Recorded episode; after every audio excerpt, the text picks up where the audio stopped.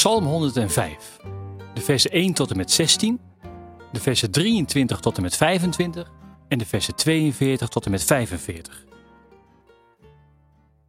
Dank de Heer en maak bekend wie Hij is. Vertel aan iedereen wat Hij gedaan heeft. Vertel over Zijn wonderen, maak muziek en zing voor Hem. Zing over de Heilige God. Laat zien hoe blij jullie zijn, want jullie horen bij de Heer. Vraag altijd hulp aan de Heer. Hij is machtig. Blijf steeds dicht bij Hem. Denk aan Zijn wonderen, denk aan de tekens van Zijn macht en aan de wetten die Hij gegeven heeft. Vergeet ze niet, want jullie zijn nakomelingen van Abraham, de dienaar van de Heer. En jullie zijn nakomelingen van Jacob. Jullie zijn door de Heer uitgekozen. De Heer is onze God, zijn wetten gelden voor iedereen. Hij vergeet zijn beloftes nooit. Hij gaf zijn regels voor altijd. Alles wat hij aan Abraham en Isaac beloofde, blijft altijd gelden. Ook aan Jacob beloofde de Heer zijn hulp. Hij zei: Ik zal Canaan aan jou geven. Dat land zal voor altijd van jou zijn. In het begin waren de Israëlieten een klein volk. Ze hadden nog geen eigen land. Ze gingen van plaats naar plaats, van het ene koninkrijk naar het andere. God zorgde ervoor dat niemand hen onderdrukte. Als een koning hen wilde aanvallen, dan strafte God hem meteen. God zei: Blijf weg van de leiders die ik heb uitgekozen. Doe mijn profeten geen kwaad. De Heer liet hongersnood komen in Canaan. Er was geen stukje brood meer te krijgen. Toen kwam Jacob naar Egypte.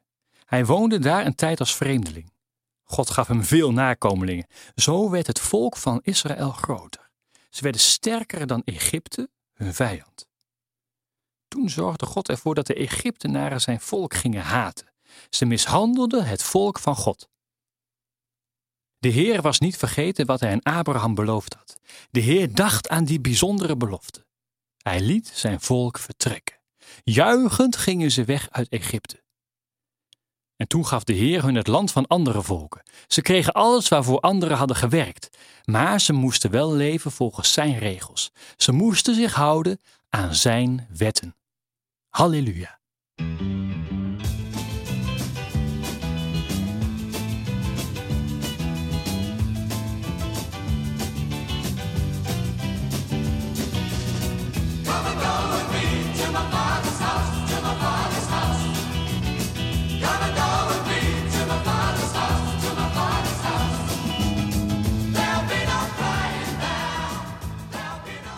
Psalmdichter bezingt de geschiedenis van het volk van Israël.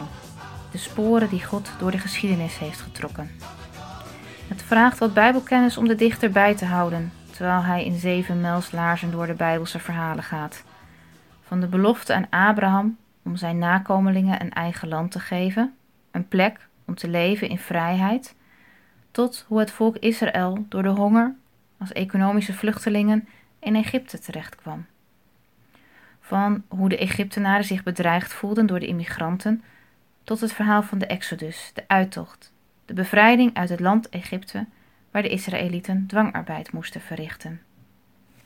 Het is het glorieuze verhaal dat van generatie op generatie is doorverteld. Het verhaal dat vertelt waar je vandaan komt en welke weg tot hier heeft geleid. Hoe zijn we hier terechtgekomen? De opeenvolging van gebeurtenissen lijkt misschien willekeurig. Maar het verleden is alles bepalend voor waarom je leeft, waar je leeft en niet ergens anders. Het zijn kleine toevalligheden die tot ver in de toekomst door kunnen werken.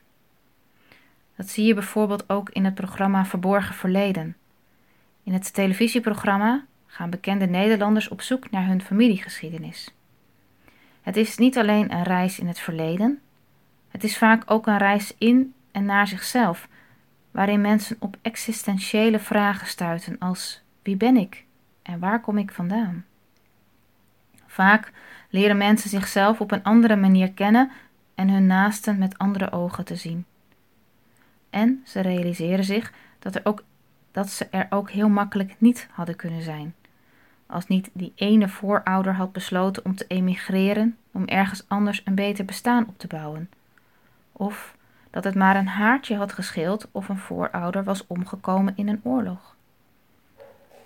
Wat ook opvalt, is dat de grote gebeurtenissen, zoals die in de geschiedenisboeken verteld worden, vaak van grote invloed kunnen zijn op het persoonlijk leven van mensen. Net zoals de gebeurtenissen die de revue passeren in deze psalm. Wat als je zelf in een situatie zit van honger? Wat doe je dan? En stel dat je in een Egypte geboren bent en niet anders weet dat je moet doen wat anderen zeggen. Durf jij dan de woestijn in te trekken op hoop van zegen? Ook al zit je soms in een onwenselijke, benauwende situatie, het is nog niet zo makkelijk om het vertrouwde los te laten. Je weet wat je hebt, je weet niet wat je krijgt.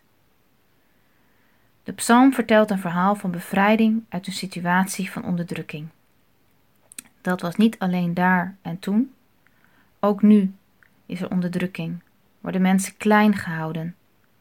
We hebben nog steeds de verhalen brood nodig van hoe mensen bevrijd kunnen worden uit een benarde situatie, uit een bedreigend bestaan. Verhalen hoe mensen boven zichzelf uitstijgen. God stelt mensen in de ruimte, zoekt een plek voor mensen om te zijn, om te leven, vrij van bedreigingen en zorgen.